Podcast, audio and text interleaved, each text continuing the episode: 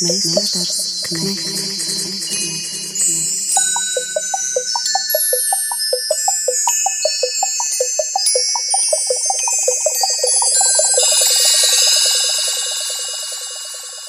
Meistars Knechts. Sveicināti pie mikrofona Orests Cilibriedis un ir klāts šīs sezonas beidzamais redzījums Meistars Knehts, un mēs vēršam skatu tuvo dziesmu un deju svētku virzienā, un uh, mūsu klausītāji jau būs pamanījuši, ka dziesmu svētkus 150 gadi ir atnākusi ne bez viļņošanās dažādos virzienos, parādot gan stiprās, gan vājās puses, bet noteikti apliecinot, ka dziesmu svētki joprojām ir ļoti svarīga un spēcīgas emocijas rosinoša tradīcija vienā lielā sabiedrības daļā. Un mēs šodien mēģināsim, nemeklējot uh, liekus kašķus, drīzāk no putna lidojuma paraudzīties uz amatieru kustības ideāliem, realitāti un pārmaiņām, kas tajā notiek. Un Oresta Silabrieža sarunbiedri Latvijas Nacionālā kultūras centra direktors Igna Pujāte. Labdien! Labdien! Horeogrāfa un dēļas pedagoģa Baiba Ķestere. Sveiki! Diriģents Kaspars Putniņš. Sveiki. Un antropologs Viesturs Salmiņš. Sveiki. Un viestur jūsu klātbūtne šajā raidījumā ir zināmā mērā saistīta ar novērojumu, par kuru esmu pateicīgs Mārai Rozenbergai, kad beidzās 18. gada svētki. Jūs uzstājāties ar nelielu priekšlasījumu, ka cilvēks, kurš skatās uz dziesmu svētkiem ar interesi, tā varēja saprast, un tomēr salīdzinoši no malas. Un eh, vērojot to, kas ir noticis šo piecu gadu laikā, hmm, vai jums ir tāda sajūta, ka svētku tradīcija joprojām iet roku rokā ar zināmām pārmaiņām sabiedrībā? Vismaz toreiz teicāt, ka tas būtu diezgan nepieciešams sasaistīt. Jā, nu, būtiska atšķirība ir starp 18. un 23. gadu, kur mēs esam patreiz. Jautājums par Latvijas nāciju valsti ir kļuvis aktuāls nekā viņš pirms pieciem gadiem bija. Protams, arī dziesmu svētkiem ir daudz politiskāka nozīme. Mums nepatīk par to runāt. Mēs sakām, ka tas ir politisks jautājums, mēs to novirzam, bet tas ir neiespējami. Tas vienkārši neiespējami. Mēs dzīvojam kara apstākļos, mēs nekarojam, bet ir informācijas karš. Un tas kādā veidā um, teiksim, latviskums, latvietība, Latvijas valsts, Latvijas pilsoņi, Latvijas uh, vēsture tiek veidot uh, dziesmu svētkiem, grib vai negrib, ir loma šajā jautājumā. Tas ir pilnīgi, tas ir pilnīgi neapšaubāms fakts.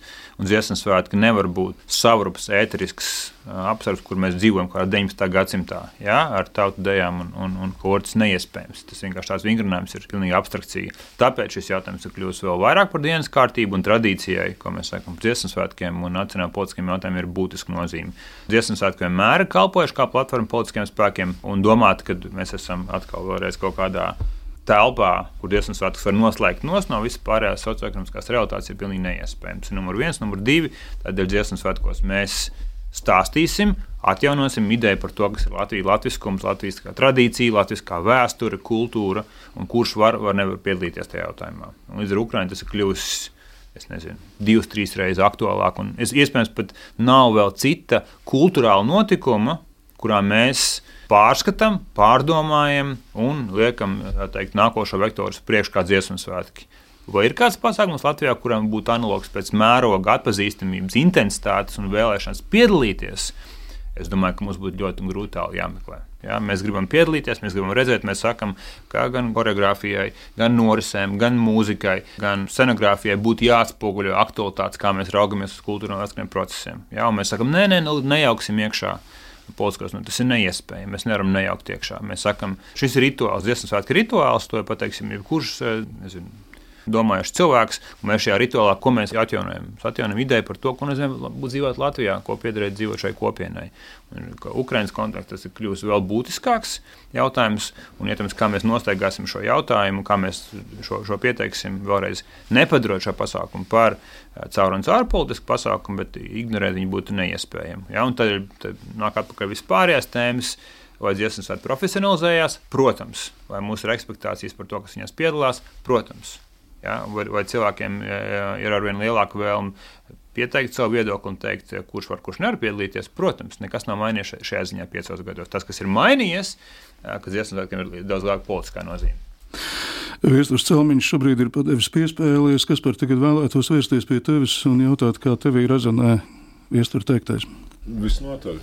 Protams, es domāju, ka dziesmu svētki ir tāds rituāls, kas jau vismaz 150 gadus patiešām ir lielā mērā nosaka, kas mēs kā, kā tauta, kā konstrukts, kā garīga vienība, kā civilizācija esam. Un lielā mērā Nu, mēs jau arī paši bieži vien gan, gan sadzīviski, gan teiksim, avīžu virsrakstu līmenī dzirdam tādus salīdzinājumus. Ja? Latviešu tauta ir kā dziesmu svētku koris, un dziesmu svētku laikā ļoti bieži no dažādām platformām izskan tas, tas apgalvojums, ka dziesmu svētki un dziesmu svētku gājiens un viss tā atmosfēra un tas, kā mēs spējam sadarboties šajā laikā, tas ir tāds ideālās Latvijas modelis. Es domāju, ka mēs visi ar to ļoti rezonējam.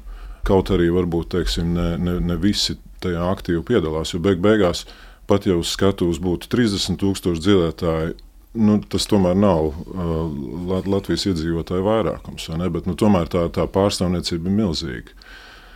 Un tā pašā laikā tie jautājumi, kas ir beidzamā laikā uzradušies, nu, es nespēju nedomāt par tiem tieši tādās kategorijās, nevis kā par tādiem atsevišķiem kaut kādiem tādiem negadījumiem. Bet es domāju, ka viņi lielā mērā tomēr signalizē kaut kādu tādu nu, kultūru tādā nozīmē, kā temperatūru, to attiecību modeli, tos sadarbības, konkurences principus, kā mēs vispār sabiedrībā viens pret otru izturamies.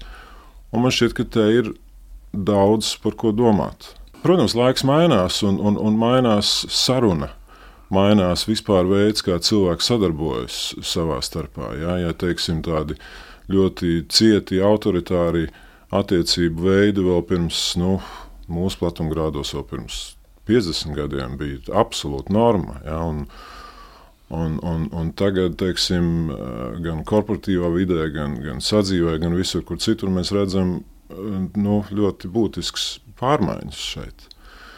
Un tomēr, manuprāt, nu, man ir tā interesanta pieredze, ka es esmu ilg, ilgstoši strādājis Igaunijā un tagad arī pietiekami ilgi Zviedrijā, kur ir no iekšpuses, teiksim, acīm redzama tās metodas un principi, kā cilvēki teiksim, sadarbojas un sarunājas un pieņem lēmumus un tā tālāk. Un kāda ir tā istabas temperatūra, kāds ir tas noskaņojums, kādā veidā sadarbība un domu konkurence notiek. Nu, jā, man šķiet, ka mums tiešām ir ko mācīties. Tagad um, dēļas pasaule, baiva.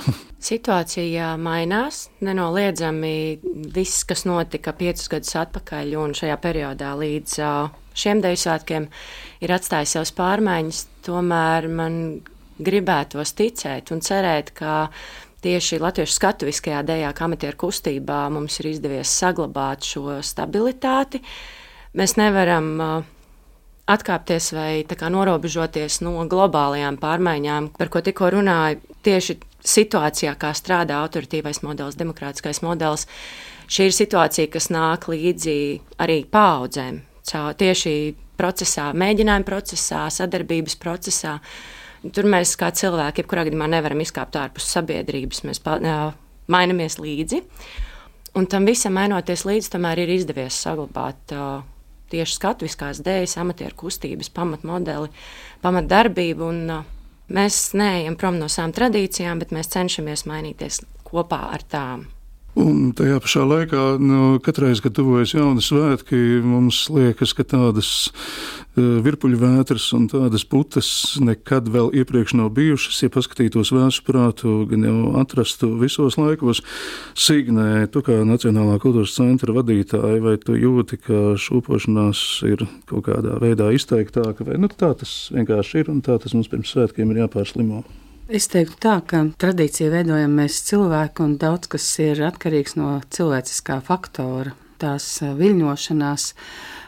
Ja skatītos vēsturiski, tad jau mēs zināmos laikos izvilkām to 1880. gada situāciju par arī koru sacensībām, kur kādam korim ienākot iekšā spēles laukumā, Tad bija tā, kādi, kas iebilda. Un, jā, zināmā mērā arī pieminot Uģi Brikmanu ar gaišu vārdu, tad Uģis vienmēr pauda tēzi, ka dziesmu un deju svētki ir kā sabiedrības spogulis. Man pašai sajūta, ka notiek izmaiņas tādas globālas, kas stāv lielās krustcelēs, bija jau 2012. un 2013. gads, un gan tādā, nu, attiecību veidošanā savstarpējā, kas skar gan mākslinieciskos procesus, gan ļoti sadzīviskus procesus, ja vienmēr ir un būs mūsu darbības kodolā, bet es nevaru nepiekrist, ka mainoties laikiem un mainoties um, arī tam, tam attiecību modelim, mums tam ir jāsako līdzi. Par ko man visvairāk ir tādas cilvēciskas bažas, lai mēs uh, tradīcijā iesaistītie nekļūtu senīli citu acīs, kas uh, arī ir klātesoši tradīcijai, pat tad, ja mēs domājam, ka viņu nav. Eh, es vēlreiz pieminēšu piemēru par tramvaja vadītāju, kurš dziesmu dēļu svētku laikā veids savu maiņu, tāpēc, lai brauktu šajā dziesmu svētku tramvajā un būtu klātesoši tajā procesā. Eh, mēs nedrīkstam būt tik augstprātīgi, ka mēs sakām, ka nu, mēs esam kaut kādi izredzētie un veidojam dziesmu svētku tradīciju.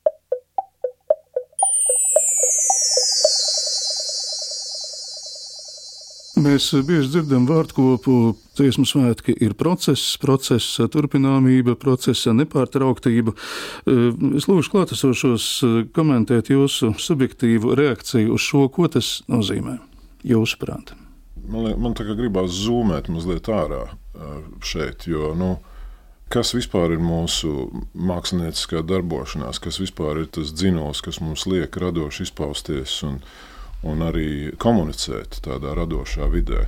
Sūtīt kaut kādus signālus savstarpēji, uz tiem reaģēt, veidot kaut kādas jaunas, jaunas formas, atpazīt un kopt sevī kaut kādas izjūtas un ļauties kaut kādiem grūti definējumiem procesiem kādreiz. Nu, tā ir, lieta, kas ir cilvēkam absolūti nepieciešama, un visa mūsu darbība zināmā mērā ir radoša, un mums ir tā laime bijusi piedzimt tādā kultūrā, kurā ir ļoti dziļas tradīcijas šim vienam sporta veidam, teiksim tā, ja? Vai diviem. Faktiski dejotāju laikam skaitliski ir vairāk nekā dziedātāju Latvijā šobrīd. Ir gan, jā. Nu, lūk, un tā ir tā ir tāda milzīga vērtība, kur mēs nekad nevaram īstenībā līdz galam novērtēt to, ko tas mums dod. Jā, viena lieta ir šis dziedāšanas dejošanas instinkts, un cita lieta ir atkal um, šī procesa administrēšana. Kāds būtu ideālais modelis, un vai mēs pie tāda šobrīd esam, vai tas vēl joprojām tiek meklēts, kā tu teiksi? Pastāv vairāk viedokļu, kas būtu ideāls modelis, jo mēs zinām, ka Lietuva, Igaunija, Latvija katra iet eh, nedaudz savu ceļu, un tāpēc arī tie rezultāti katrā valstī nedaudz atšķiras. Šeit Latvijā mēs esam iestrādājuši sistēmu, kad pirmkārt ir kopiena, un uh, mēs to mērām pēc dalībnieku skaita kārtējos dziesmu un dēļu svētkos. Un, uh, nu, tādu zināmu laiku mēs esam ap 40, 41 un drusciņu vairāk tūkstošiem, kā kurā reizē tas ir. Bet pēc Covid laika tieši 41 tūkstoši dalībnieku, manuprāt, ir ļoti cieņpilni, jo gan deju uh, kopiena, gan koru kopiena atjaunojās teju tajā pašā sastāvā, kas bija 2008. 18. gadā. Ja nu tur ir novirze pa kādu tūkstoti dalībnieku, tas patiesībā nav nekas neparasts, ja skatās tādā vēsturiskā griezumā. Šī kopiena tātad eh, darbojas mākslinieckajos kolektīvos, tradicionālās kultūras eh, grupās, un tad ir kādi, kas par viņiem rūpējas, tātad pašvaldības, jo kādi 95% kolektīvu ir pašvaldību dibināti, kas nozīmē, ka pašvaldības atvēl telpas, cik tas ir iespējams, arī nodrošina atlīdzību kolektīvu vadītājiem, par ko arī ir diskusijas, vai, vai tās ir pietiekamas vai nav. Tur ir eh, arī, kuriem kuriem tie ir skatuves kostīmi, kuriem tie ir burtiskā otrā āda, ja runā par tautas tērpiem un tā tālāk. Eh, un eh, mēs esam Latvijā dejam šo eh, modeli, kad valsts un pašvaldības par to rūpējas, un konkrēti svētku rīkotājs ir valsts pārvaldes iestādes sadarbībā ar, kur ir iespējams, ka ļoti daudz plusu, kaut vai lai tur piesaistītu finansējumu, lai nodrošinātu visu vietā un laikā, bet tur nāk arī tās blaknes, kas gan es paredzu, ka būtu arī pie citiem modeļiem, kur tādi parādās dažādi viedokļi īpaši saturā, kas skar kopienu, ko es vēlos, jeb ko man liek darīt. Un tad eh, šis modelis, kas eh, ir uzlūkojams caur valsts pārvaldes iestādi, valsts iestādi, tad mēs dažkārt caur to, ka mēs esam valsts pārvalde, kur ir eh, visam jānotiek noteiktās procedūrās, tās kaut kādā veidā konfliktē ar radošajiem kas būtu pilnīgi normāli, jo viņiem negribās piesaistīties nekādām procedūrām. Bet tāpat laikā ir runā par lielu cilvēku iesaisti, piemēram, piedalīties skatēs, vai nu, tātad, kur īpaši, kur ir jāizvērtē mākslinieckā darbība, tad tur atkal šī sistēma, kā konsekvenču ieturēšana, par kurām visi ir vienojušies, ir ļoti būtisks. Jūs varat minējāt par šo procesu. Jā. Man, diemžēl, liekas, tas tās latviskais nepasaka neko. Ir kāda lieta, kas nav process. Viss ir process, bet mēs īstenībā neko nepasakām. Tas, ko mēs viennozīmīgi redzam ar katriem svētkiem, dziesmu svētki kļūst arvien profesionālāki. Un tad sākās tas jautājums, kāpēc es nevaru piedalīties? Šis amatieru kolektīvs, ja mēs tad ņemam ārā pamatus, ja tā kā pāk, šis ir amatieru pasākums. Un es saku, nav gan. Ar katru gadu kļūst vairāk olimpiāda. Ir kaut kāda biznesēja kriterija, kas ir jāizpild, lai varētu piedalīties. Kāpēc? Tāpēc, ka tu neesi savā kultūras namā. Tu neesi tu un tā, tā vecāka radinieka un brālēna māsītes. Desmitiem tūkstoši cilvēku skatās šo pasākumu, desmitiem tūkstoši cilvēku gribētu viņu redzēt klātienē, braukt no citām vietām. Nevis tāpēc, ka es to saku, bet tas ir fakts desmitiem tūkstoši cilvēku skatās. Šis nav, šis nav tikai tā teikt, mēs ar māsīcu dejojam kolektīvā, nu tikām uz četriem mēģinājumiem, vairāk netikām. Nu, piedodiet mums! Tas nav iespējams. Ja? Man liekas, jābūt pietiekoši vaļsirdīgam. Tas numur viens. Ar, šis nav tikai profesionāli vai, vai amatieru pasākums. Viņš īstenībā ir profesionāls. Numur viens, numur divi. Tas tomēr ir kaut kāds apliecinājums pašu kolektīvu, vai nu kora, vai nu deju kolektīvu spējai rosīties un būt konsekventam šajā procesā, saņemt atbalstu no ģimenēm, vecākiem partneriem vai pašvaldības. Jā, tas ir pūliņu rezultāts. Un visbeidzot, ir sabiedrības komponente, kur nāk un skatās. Viņi saka, mēs esam gaidījuši šo notikumu, jo de facto mēs kā sabiedrība ļoti reti piedzīvojam mūsu kā nāciju. Tādā apjomā. Tā ir, tas ir ķermenisks pieredzes pasākums. Vai tu dejo, vai tu skaties, tas ir, nezinu, tur ir daži saka par šarmuļiem, dažiem ir tā teikt. Uh, Zosādi, jā, tas ir ļoti pacilējuši no afektīvas pasākums, kā mēs sakām, filozofijā, afektīvas pasākums. Jā. Tā nav daudz pasākumu ārpus hokeja, kur kaut ko tādu var piedzīvot. Līdz ar to mēs nevaram pateikt, ka iedzīvotāji Latvijā, kur gribētu šo klātienu atvērt, skatīties, ka viņiem nebūtu nekāda teikšana par to. Jā. Un tāpēc es saku, ka šis virsuzdevums šādu mērogu pasākumiem mums nav neviens, kas aiz, aiz viņiem muguras stāv. Nav vēl citu pasākumu, ne, ne, jums arī ir cits svēts. Nav neviens analogs dziesmu svētku mērogam. Šādu mērogu pasākumu vienmēr ir virsuzdevums. Nevis vienkārši visi nodejoja korekti un laikā un sinhroni nodziedāja pareizi, bet viņam ir virsuzdevums kaut kāds. Un virsuzdevumam ir jārunā, vai tā ir līdzinājās prakses vienkārši atražošana, vai viņš ir laikmetīgs. Un, ja viņš ir laikmetīgs, tad par ko viņš sarunājās? Ja, mēs runājam par mūsu valsti, par mūsu sabiedrību, par mūsu vērtībām, kuras mēs parādām visiem kult, nu, kultūru, kā sabiedrības šajā ziņā spogulis mūsu attiecības, kurš var, kurš nevar piedalīties. Jauni, veci, turīgi, mazāk turīgi, no reģioniem, no Rīgas, ārvalsts vietējie, cietētāji, dejotāji. Ja. Šajā ziņā viņš ir process, kas atspoguļo sabiedrības lielākās norises. Viņam ir jābūt ar vektoru, kas vērsts uz priekšu, ja tas ir publisks finansējums. Ja? Publiskām vajadzībām, proti, sabiedrības tādai armatūrai un, un režģim. Es, es uzskatu, tas ir neizbēgami. Jā, bet vēsturē to profesionalizēšanos, vai es pareizi nojaušu, ka jūs jūtat, ka svētki zaudē kaut ko no tā sava dabiskā, tā, no tā pamatu pamata, ka būtu vienkārši cilvēkiem jānāk kopā un jāpriecājas? Es domāju, ka šis kuģis ir aizgājis. Priekš tam var būt citas norises, bet, ja tu esi meža parkā, tev jāspēj dziedāt un jāspēj dejot nu, sinhroni. Jā, tas, ir, tas vienkārši ir no diskutabls jautājums. Tad jautājums ir virsotājums, kāda choreogrāfija ir laikmetīga, mūsdienīga, vai viņa atgādina teiksim, kaut kādu romantismu no 20, 30 gadiem ar, ar teikt, pietiekoši slidenu taciņu, kas tālāk iet. Ja? Šie ir tie jautājumi. Un vai viņos ieskanās arī kaut kāda socioekonomiska motīva, kas būtiski teiksim, mums pāris simt kilometru attālumā notiekās. Neviens nevēlas viņus padarīt pilnīgi politiskus, bet uzskatīsim, ka lielākais, lielākais sabiedriskais notikums valstī nekādā neefektē uz to, ka mēs dzīvojam kara apstākļos.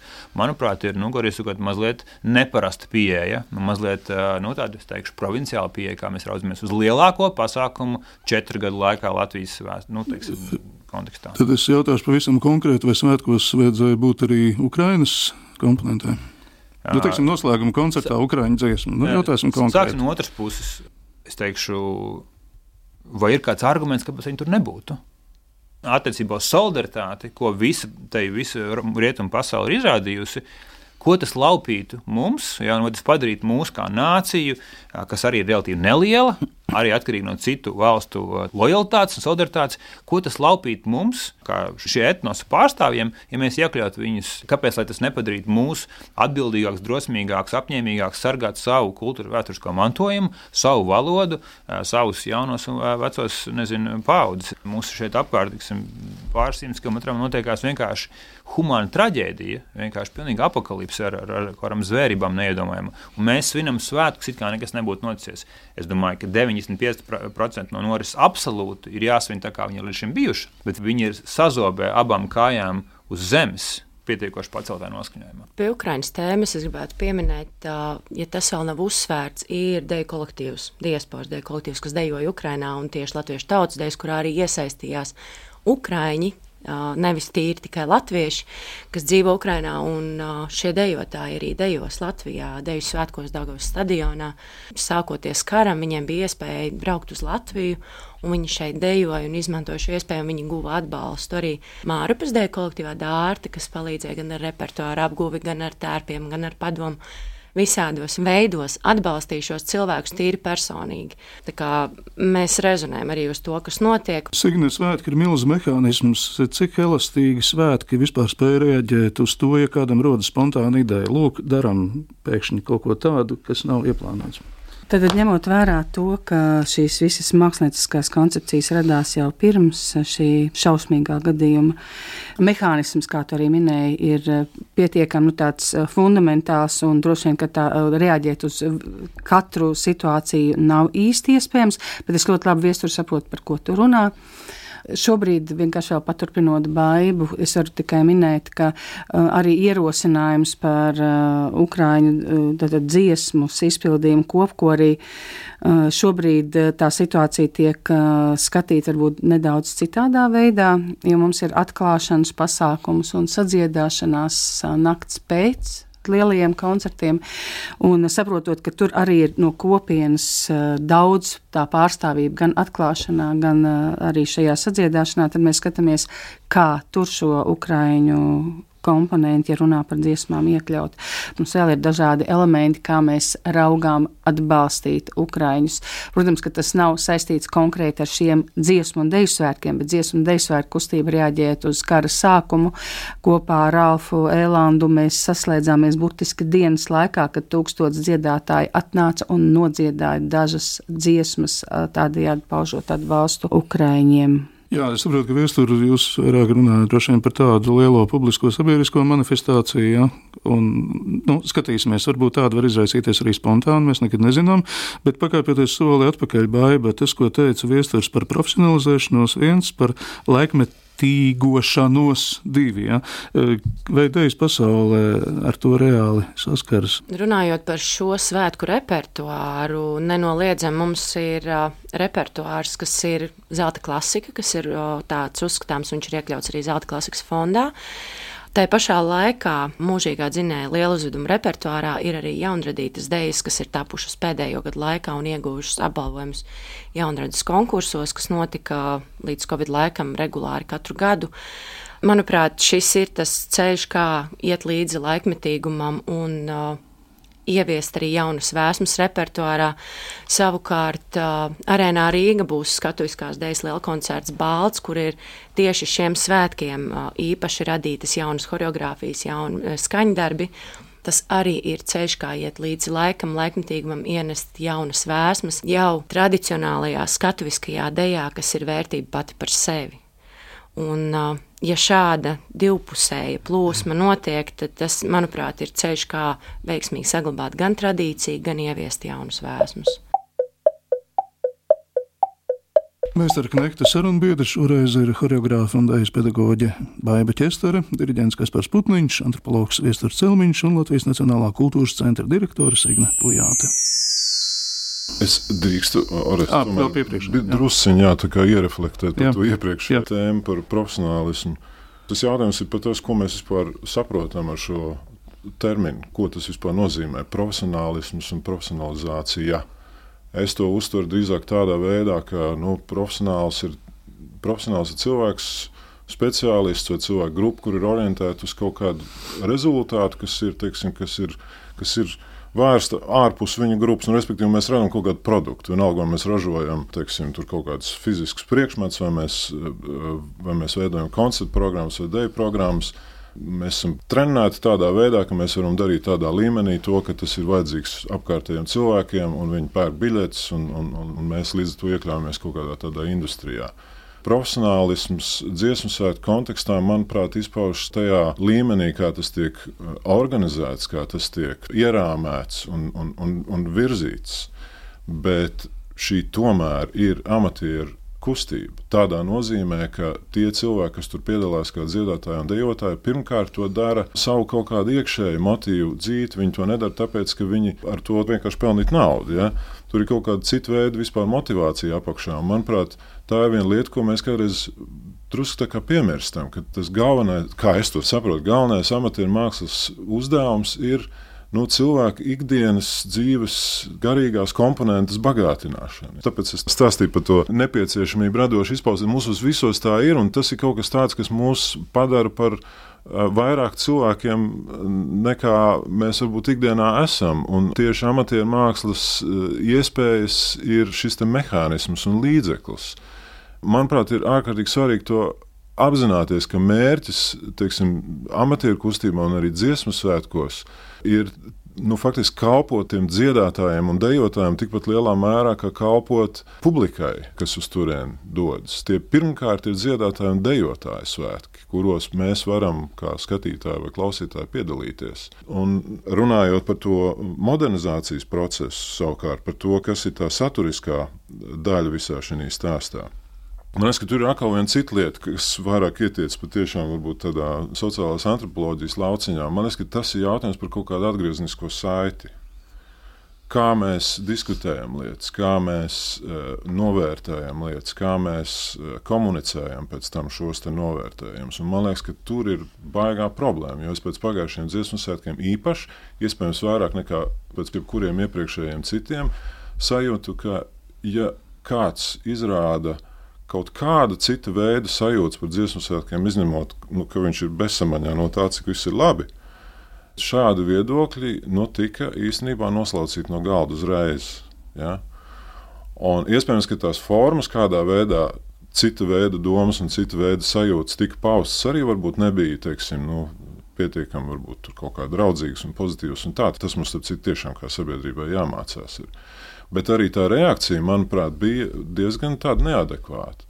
Un te mēs esam situācijā, kur tādā draudzīgā, radošā veidā diskutēt par lietām, veidot kaut kādas kopīgas struktūras un, un iemiesot tās nepieciešamās idejas, kas šobrīd gaisā ir, piemēram, Ukraiņas krīze, un, un, un līdz ar to arī zināmā mērā mūsu arī nu, identitātes jautājumi, protams, tur ir klātesoši un tam līdzīgi. Ja mēs vispār neesam uzbūvējuši tādu cieņpilnu un draudzīgu diskusiju par to, kas mēs esam dziesmu svētku sakarā, ko tas mums nozīmē un ko mums vajadzētu šī veidā paust, ja, tad mums jākārtīgi grūti nonākt pie tā labākā iespējamā potenciāla, kas ir teiksim, mūsdienu situācija, mūsu šeit un tagad sajūtu eh, komunicēšanu dziesmu svētku formā. Tad, ja diskusijas par eh, svētku saturu vai procesu, ja mūsu jau iepriekš piesaukto izraisa tādas viļņus, emociju viļņus, kādus mēs tos manījām pirms mēneša, tad tas liecina par zināmu nepieaugšanu, tāprāt, tāda kā pubertāte sabiedrība. Es, es baidos, ka tās ir zināmā mērā sekas tam, jā, ka mēs dziesmu svētki ir tik neiedomājami svarīgi mums, mūsu identitātei ka mēs, manuprāt, nu, tiešām mazliet tā bērnišķīgi baidamies par to runāt. Ja? Savā pieredzē, darbā citur esmu pieredzējis īstenībā pie tā, ka cilvēki tādā cieņpilnā, draudzīgā formā var uzdot jautājumus par jebko. Arī par tādām lietām, kas šķietami ir nu, gandrīz neapspriežamas, teiksim, nu, tāda tabū. Ja? Nē, viss ir apspriežams. Par visu var būt viedoklis, par visu ir iespējams runāt cieņpilnā, gudrā formā. Un, un man liekas, ka tas ir tas, kas ir ārkārtīgi vajadzīgs. Un, un es domāju, ka tas ir arī viena no tām lietām, kāpēc izvērtās šis konflikts. Ja, jo pēkšņi uh, uzrādās kaut kāds jauns formāts, kaut kādas jaunas idejas, un mēs neesam gatavi viņus vispār tādā normālā veidā apspriest. Viestur tev smaids, kas par runas laikā, ko tas nozīmē?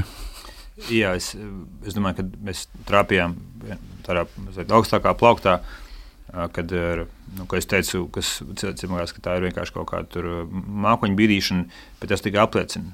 Ja, kad dziesmu svētki ir nacionālais svētums, tā ir nacionāla, nu, tā, ja mēs runājam, tas būtu kā aiz stikla. Jā, tu vari aiz cimdiem viņiem tārā tikai dziesmu svētku pašu norisi.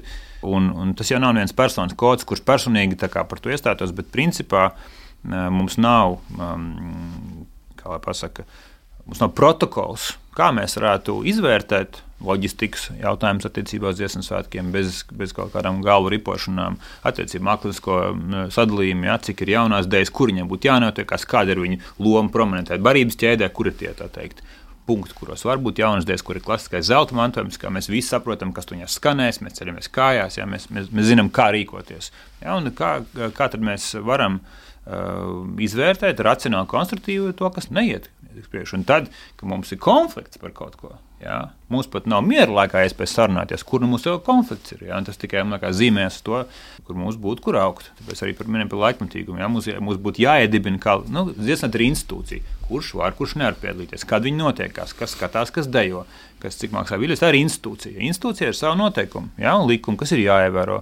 Mums šeit būtu nepieciešams tā kā telefonam jauna aplikācija, kas tev jāatjaunina. Ja. Mums būtu nepieciešams atjaunināt šo dziesmu svētku institūcijas protokolu. Ja. Kā cilvēki, kur domā par šo procesu, varētu par to izteikties. Vai mums būtu kaut kāds fórums, vai mums būtu mājaslapa, mums būtu kaut kādas dizaina uh, grupas, kurām mēs varam pateikt, ka pasākums milzīgi ietilpīgs, milzīgi svarīgs, neiedomājami valstiski bez viņa vispār funkcionēt.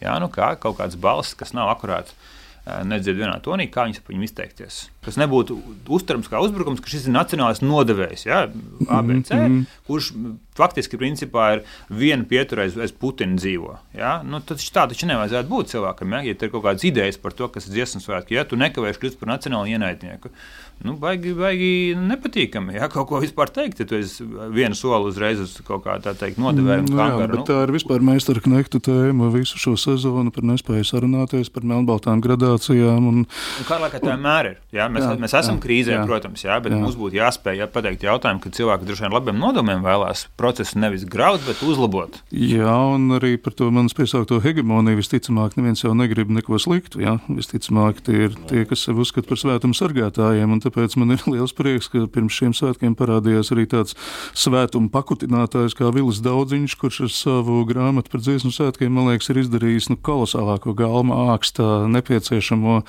darbību. Jā, tad šai ziņā vismaz mums viss ir kārtībā. Drusku, drusku, jā, nu tiem, kas to ir pamanījuši, jā, ka nē, es, man, man viņu žēl, jo, jo tā grāmata ir vienkārši izcila. Bet, Signe, kā tu reaģētu uz to, ko viesturs saka par šo jā, svētumu sargāšanu un aplikācijas atjaunošanu? Tas, ko es teicu par krustcelēs stāvēšanu, jau 13. gadā jau iezīmējās situācija, kur parādījās viedokļi, kas atšķīrās no vispār pieņemtajiem, nu, tādiem tradicionālajiem viedokļiem, varbūt arī tādā zināmā hierarhijā. Un es klausos viesturu, un es zinu, es arī negrasos slēpties. Mēs arī iepriekšējos svētkos viesturs ar savu komandu bija klāt svētkos arī uzdodot jautājumus gan par organizatoriskiem un saturiskiem būtiskiem jautājumiem. Uh, ja paskatās uz šo tradicionālo sistēmu, kas ir gan dejotājiem, gan koristiem, gan tā apjoma dēļ, to mākslinieko kolektīvu dēļ, gan arī koprepertuāra apgūst dēļ un dažādu citu nosacījumu dēļ, mums jau tā nu, gribi, negribi, tā droši vien ir jāsauc par kaut kādu hierarhiju vai tādu likumsakarīgu tādu komunikācijas ķēdi, kas ir no, tad ir mākslinieckais kolektīvs, kur ir daudz cilvēku, tad ir mākslinieckais vadītājs, tad ir vairāki kolektīvi vienā tātad administratīvajā teritorijā vai pašvaldībā konkrēti, tad viņiem ir līdzās visvadītājs vai virsdiriģents, kuram principā vajadzētu iegūt visus eh, nepieciešamos datus, ja ir kāds pārunājums jautājums.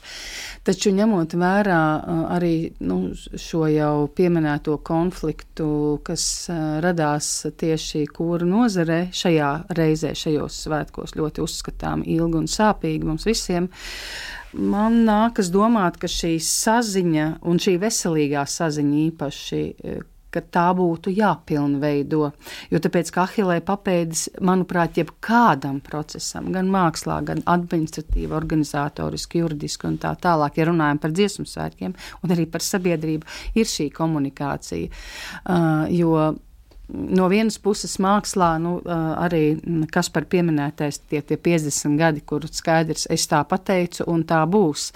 Bet šobrīd ļoti sabiedrībā arī dziesmu sērka kopienā iezīmējas tas, ka, ja es vēlos nākt ar kaut kādu priekšlikumu, protams, jautājums varbūt ir kaut kāds eh, veiksmīgāks laiks, kurā par to runāt, tad vienoties. Jo ir skaidrs, tieši tā kā tu viestur saki, kurš drīkst paust viedokli.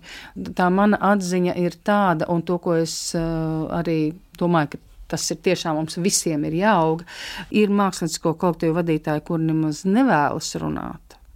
Viņi tā kā, vai tā kā baidās, vai tā kā saka, nu labi, jūs tur augšā labāk zināt, un man, man šī tēze tracina, jo tas ir no kaut kādiem senākiem aizlaikiem. Šī tēze patiešām vēl aizvien pastāv.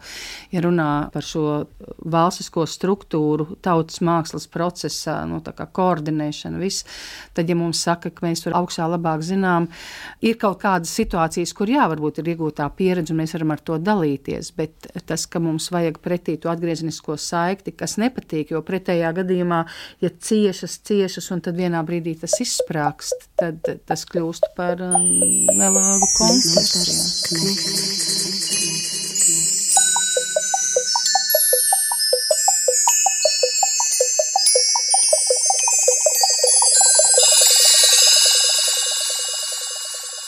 Meistars Knehts. Baiba par to iespēju kaut ko ietekmēt, kā dēļ pasaulē tas, tas izpaužas. Nu, savā ziņā jums ir viens ļoti stabils jumts, visus lielos uzvedumus, kurš 2003. gada taisa mums labi zināms choreogrāfa tandēms, un, un tad, zināmā mērā, varētu domāt, ka viņi nosaka toni, tā pašā laikā notiek arī kaut kādas izmaiņas. Kā, kāds ir tas līdzsvars? Uh, modelis, kā Signēvs stāstīja, ir diezgan zināms un, un tradicionāls. Jā, mums ir virsvadītāji pilsētām, novadiem, ar kuriem kolektīvu vadītāji var pārspriest jautājumus, sasāpējušas lietas. Kā tas tiek tālāk risināts, ir atkarīgs, protams, no katra cilvēka. Un šeit mēs nonākam pie cilvēciskā faktora par komunikāciju un, un šādu sadarbības modeli. Bet, cik man zināms, iespēja izteikties pēc deju svētkiem kolektīvu vadītājiem ir. Un tas notiek konferences forma veidā, kur tiek analizēts tātad kāds bija repertuārs, vai ir kādas vēlmes izmaiņām, kas, kas ir tas, ko gribētu.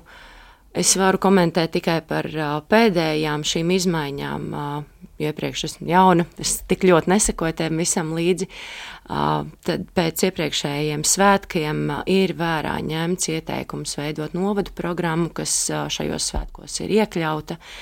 Vai ir iespēja visiem izteikties līdz galam, un vai viss tiek sadzirdēti, tā ir tā ir cita lieta, jo viedokļi arī, kā jebkurā sabiedrībā, tie kolektīviem ir dažādi. Un katram ir savas pieredzes, katram ir savs mākslinieckais skatījums, kas ir labi.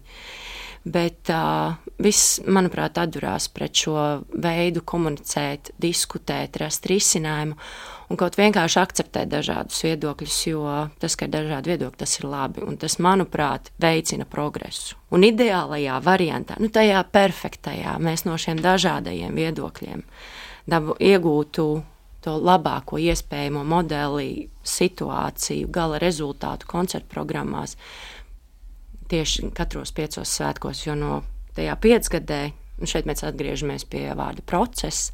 Tas ir process, un tam ir jābūt procesam attīstībā, kur mēs pēc katriem pieciem gadiem izvērtējam un, un dodamies uz priekšu uz nākamo labāko variantu.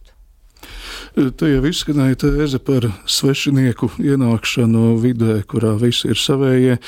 Nu, tas vienmēr ir problemātiski, un um, raidījuma veidotājs sasniedza kāda ārzemnieka teiktais. Viņš jau otro reizi piedalīsies dziesmu svētkos ar diasporas koru. Viņš saka, tā laika ir mainījušies, Latvija brīva un neatkarīga. Kāpēc gan neatvērt šo pasākumu visiem, kas mīl Latviju, latviešu mūziku un dziesmu svētkus? Varbūt jāuztais koru kā arī kā starptautisks augsta līmeņa konkurss, kurā var piedalīties jebkurš pasaules koris. Nu, mēs zinām, ka dziesmu svētkos piedalīties citādi kori arī var. Ir konkrēti piemēri ar Tartu kori, es pareizi atceros, kur laikam bija tieši viena, viena latviešu dziedātāja, un šajos svētkos būs Japāņu. Kurs, Japāņi ir jau vairāk kārtīgi, jā, jo viņi tiešām mīl uh, latviešu kuru dziesmas, kur droši vien paldies jāsaka Ērai Birziņai par, uh, par šī, šīs vēsts uh, nodošanu Japāņiem. Ir tādi kori, ja, un viņi arī ir mūsu vidū, tāpat kā diasporieši. Protams, ka idejiski, skatās dziesmu svētku kustība pēc gara, tai jau nav robežu. Eh, arī ne dziesmu svētkos varētu rasties eh, dažādas mākslinieckās programmas un arī amatieru spēja augstā līmenī sagatavot programmas, ja arī vienkārši, eh, ja pat tā mākslinieckā spēja nav tik augst, augstā līmenī, tad tāpat uz pilsētas svētkiem mēs nākam atbalstām savējos. Ja runā par svētkiem, kas notiek Rīgā reizi piecos piecos gados, tad ir tā nu, bēdīgā atziņa par infrastruktūru, kapacitāti.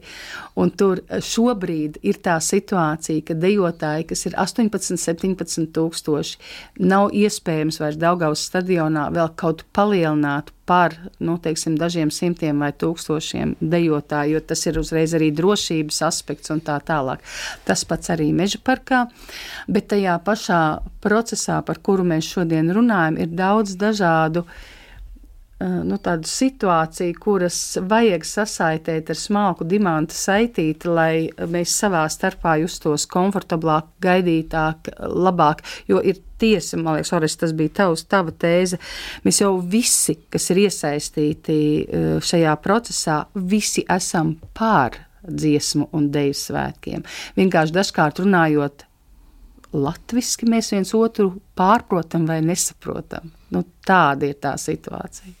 Es gribēju vienkārši, tu pieminēji tos kuru karus un tā. Un īstenībā trāpīja drusku tādā man personīgi sāpīgā tēmā, par ko es esmu šausmīgi daudz domājis. Mums ir, nezinu, kāpēc tāda tradīcija, nē, nē, faktiski es zinu, kāpēc tā tradīcija tāda ir izveidojusies no padomu laikiem, kad mūsu ļoti labi zinām un visu mīlēti diriģenti, nu, būtībā to apstākļu iespējā, kāda viņi toreiz bija, veidoja narratīvu par sevi un par savām grupām, teiksim, tajā spēles laukumā, kas bija saprotams tā laika varām.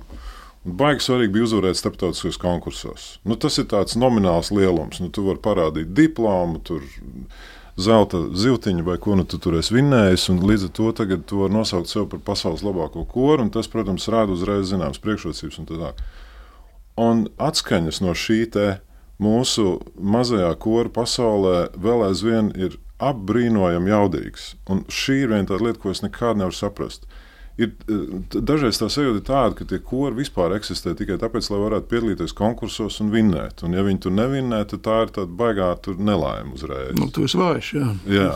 Un, un tas kaut kādā ziņā arī rezonē dziesmu svētkos. Nu, brīžiem tā sajūta ir tāda, ka būt tam labākajam, lai ko tas arī vispār nenozīmē. Man liekas, tas ir diezgan absurdi teiksim, mūsu jomā. Runāt tādās, ka nu, kas ir labāks, Vīns vai Berlīnas filharmonija? Nu, kas tas vispār par jautājumu? Nu, daž, dažreiz šķiet, ka tas ir tāds, tāds centrālais vispār jautājums. Ja? Un atkal ir jārunā par to sadarbību un konkurenci. Nu, tā, tie ir divi tādi pamatlielumi, manuprāt, kā, kas, kā sabiedrība un arī gan lielāks, gan mazāks sabiedrisks formas koeksistē. Mums tas, tas konkurences elements ir tik ārprātīgi dominējošs. Un tam ir baigi būtiskas sekas. Tas rezonē uh, ne tikai mūsu kaut kādās savstarpējās attiecībās, bet tas rezonē arī, piemēram, repertuāra politikā. Ja? Es esmu šo jau teicis, un es zinu, ka daudz man amatbrāļi, viņiem nepatīk to klausīties, bet uh, mēs uzskatām sevi par koru lielvaru. Nīderlandē katru gadu ir apmēram 200 matēji pasī atskaņā, no kuriem varbūt ceturtajā daļā ir iesaistīti profesionāļi. Vai tiešām teiksim, aizbraukšana uz kaut kādu starptautisku konkursu, kur piedalās citi amatieru kori, uh, ir, tas droši vien būtu teiksim, finansiāli un no visas citu veidu resursu viedokļa apmēram tikpat sarežģīts pasākums, loģistiski un tā tālāk. Ja? Kur ir tā motivācija, kāpēc mēs darbojamies, ar ko mēs vispār nodarbojamies? Ja? Kas ir tas, ko mēs sev izvirzām kā mērķi vai kaut kādu būtisku iekšēju pieredzi, kaut kādas jaunas atklāsmes, ko mūzika potenciāli var dot, vai tie ir kaut kādi jocīgi ārējie parametri, kā, kā uzvaru konkursā. Mm -hmm. Un man, man, man tiešām šķiet, ka nestoties uz visām tām labajām kvalitātēm, kas mums ir, tā konkurencē balstītā domāšana ir tas, kas ļoti dominē tajā mūsu vidē un, un, un, un ainavā.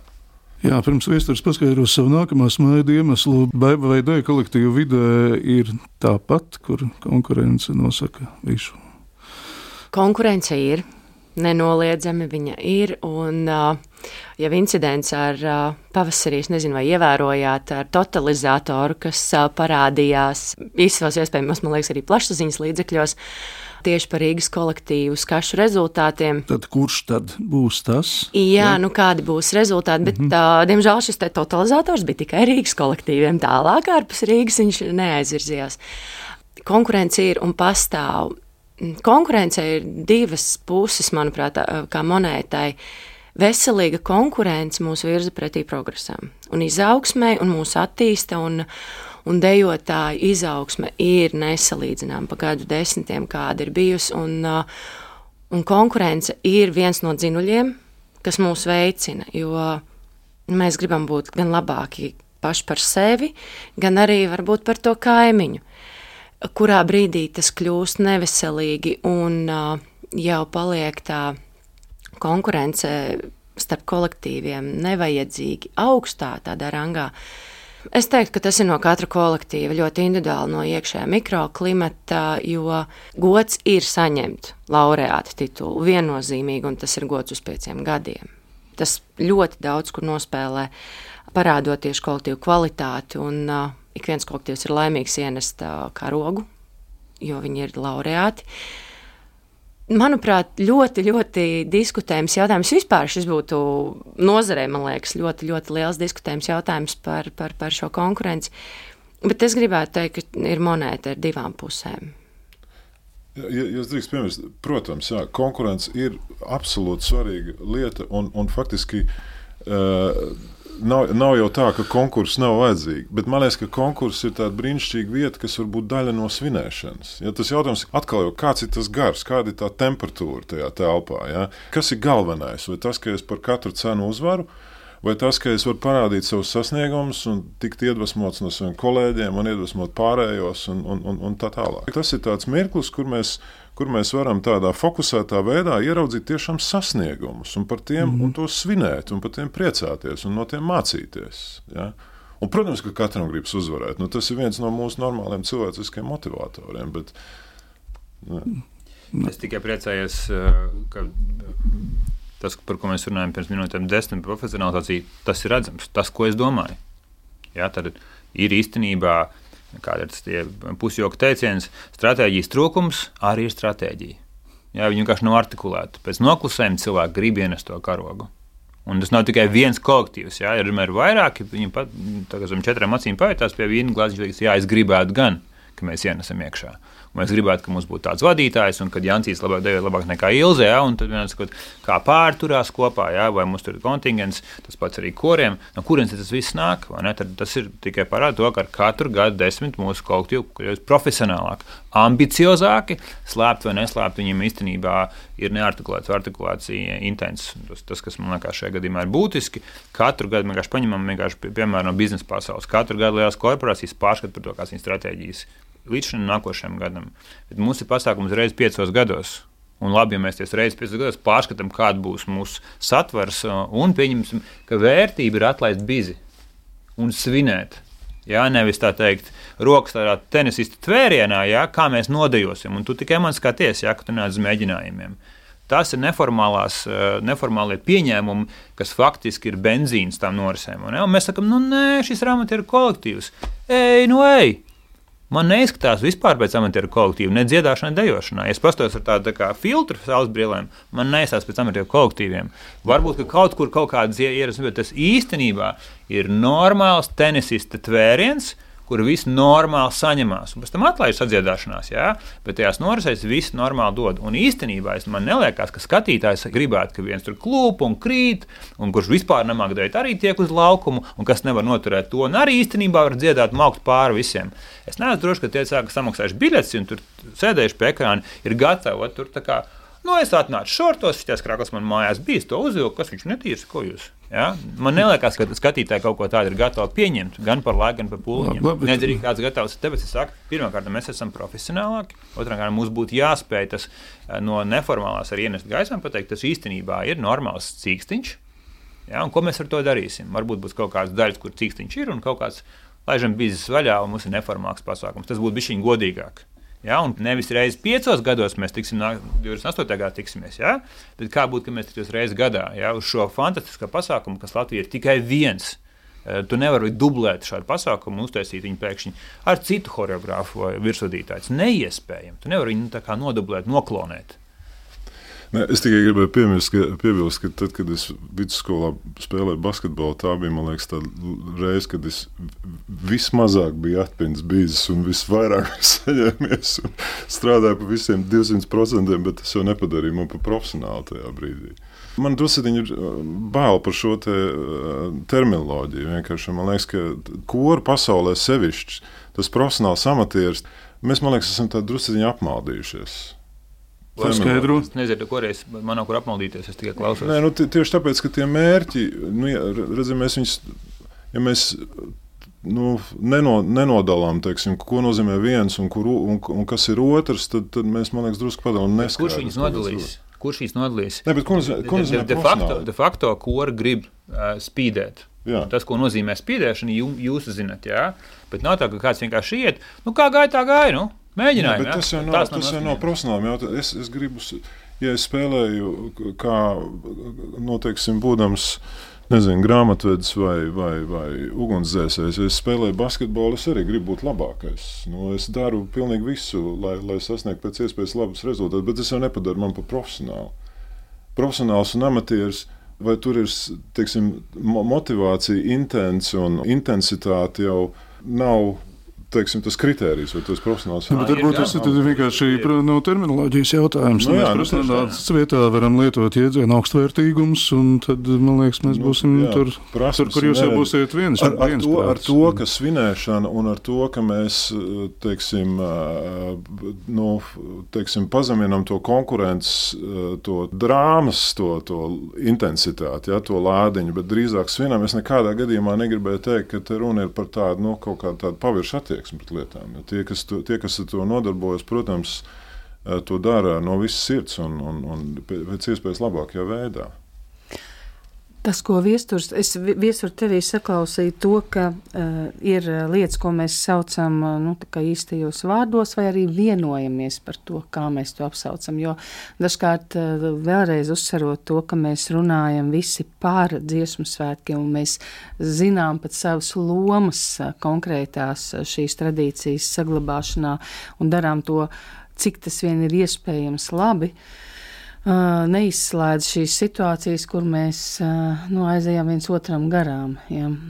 Un, patiesībā dažādu viedokļu salīdzināšana nav vienkāršs process, droši vien no komunikācijas viedokļa. Nu, vēlreiz skatoties uz katru mums kā cilvēku, un tad vēl šo tradīcijas pārstāvi.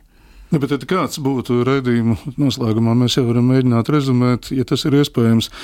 Kāds būtu veids, kā analizēt šo svēto govi? Nu, kā mums tagad kļūt saprotošākiem citam pret citu?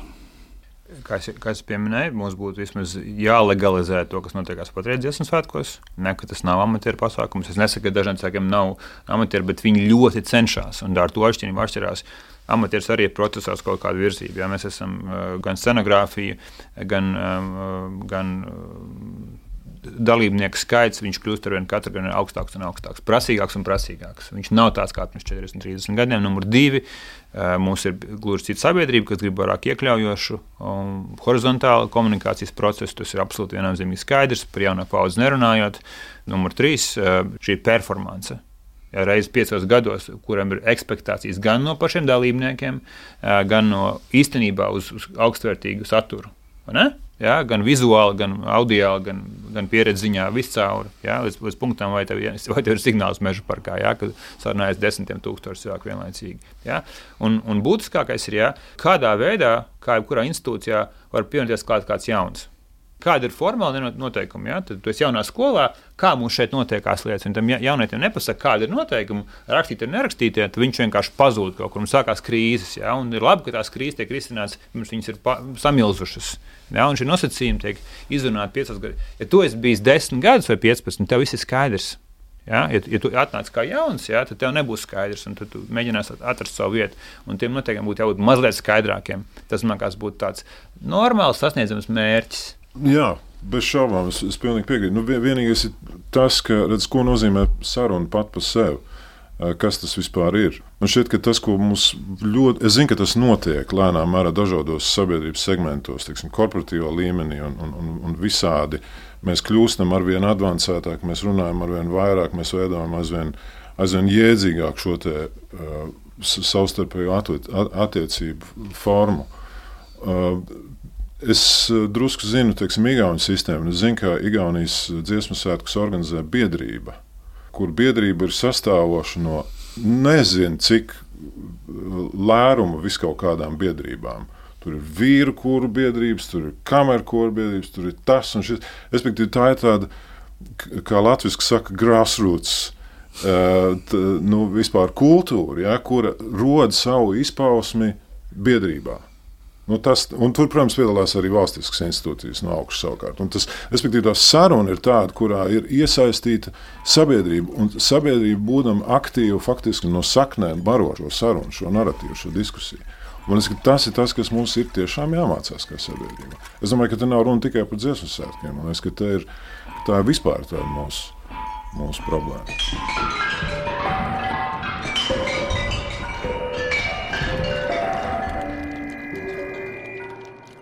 Un, un, un, jā, un tad es ceru, ka mēs nonāksim pie tādas situācijas, un, un protams, ka dziesmu svētki ir brīnišķīgi, ne par to runa, bet atkal jau, teiksim, nu, nekas nav, nav super ideāls šajā pasaulē, un mums ir jākļūst iekļaujošākiem un, un, un laipnākiem vienam pret otru, un jāuztver vairāk vienam otru kā inspirāciju, nevis kā draudu un konkurenci šīs sarunas rezultātā. Un, teiksim, runājot par, par šo konfliktu, kāds tikko bija, man liekas, ka projekta kurs ir tieši tāds, nu, tāds savā ziņā tīradnis, tāds paraugs, kā, manuprāt, mūsdienīgam koram vajadzētu funkcionēt. Un ka tieši šāda grupa tiek nolikta aiz robežas, kā nepiederīga, neatbilstoša, bīstama pat gandrīz vai ja? tas man šķiet ir īstenībā diezgan traģiski. Ja paturprātā, ka tā ir tēma, par ko katram ir savs viedoklis. Jā, šis nebūs vienkārši saruna. Jā, tas būs cilvēkiem Latvijā. Ir, viņš saka, man ir tiesības runāt par dziesmu svētkiem. Protams, jā, bet arī viņš, vajag. Mm -hmm. jā, es vienkāršāk laicīgi tas izklausās vienkāršāk nekā tas īstenībā. Nē, bet nē, nu visur tur runā par cilvēkiem, kuri saka, es esmu dziesmu svētki. Jā. Jā, jā nē, nu, bet, protams, bet bet tieši tāpēc, jā, nu, tā, tā, un te jau arī nav tāds viens, te, teiksim, nevar jau pagriezt kaut kādu slēdzi, un tagad mēs pēkšņi pamodīsimies, nodibinājuši kaut kādas institūcijas, kas diskutē, un tagad viss būs kārtībā. Tās jau ir tādas, nu, ikdienas lietas. Tie, tie tas nē, nu, soft, ikdienas lietas un augšanas. Jā, jā tādas, tādas prasmes. Nu, principā, tā ir atkal domāšanas disciplinēšana. Jā, jā, Baiba, kas būtiski ir palicis vēl nepateikts. Es gribēju piekrist iepriekš jums runātājiem, jā, ka pašos pamatos tas vēlējums nākotnē būtu atvērts dialogs ar iespēju pieņemt dažādus viedokļus un tos savienot ar mērķi radīt labākus dziesmu un deju svētkus, būt spējīgiem akceptēt dažādus viedokļus un to visu konstruktīvi, neaizvainojot vienam otru, neapvainojoties, analizējot un atgriežoties pie paša pamata, ka mēs gribam skaistākus, labākus svētkus, uz to arī virzīties. Nu, tā, ideāli, kā šī, jeb pēc, pēc būtības šī valsts pārvaldes iestāde mums eh, jābūt kā vidutājiem, un apzinoties arī visu to, ko mēs šodien runājām, pirmkārt, es būtu laimīga, ja mēs iespētu attīstīt tādus formātus, kur nav baiļu sarunās, jo šis jēdziens staro kaut kādā veidā tieši kopiena to staro no sevis, bet tai netiek klāt, kamēr cilvēks nerunā. Un nav runa par kaut kādu individuālu, es gribu un dodiet man, bet otrādāk tieši, kas uh, ir sarunas par tradīciju un tradīcijas garu un vērtībām. Mums ir nedaudz citādāk jāpārliek akcenti, jo mēs visi kalpojam šai tradīcijai. Manuprāt, gan dalībnieks, kas iesaistās un iet uz tiem mēģinājumiem, jautājumiem, un ģimene paliek mājās rūpējoties par. Uh, un uh, gan virsvadītāji, virsdiriģenti, gan uh, klausītāji, mēs visi esam par, bet mums tikai jāsaprot, kas ir viducija. Viducija ir vērtības, ko viesturs pieminēja mūsu sarunas sākumā. Un arī kopiena, tātad, kurai ir primāra, kurai mēs pārējie, gan profesionāļi, tādā vai citādā jomā kalpojam. To laikam Kaspar arī tu minēji šo jēdzienu. Jā.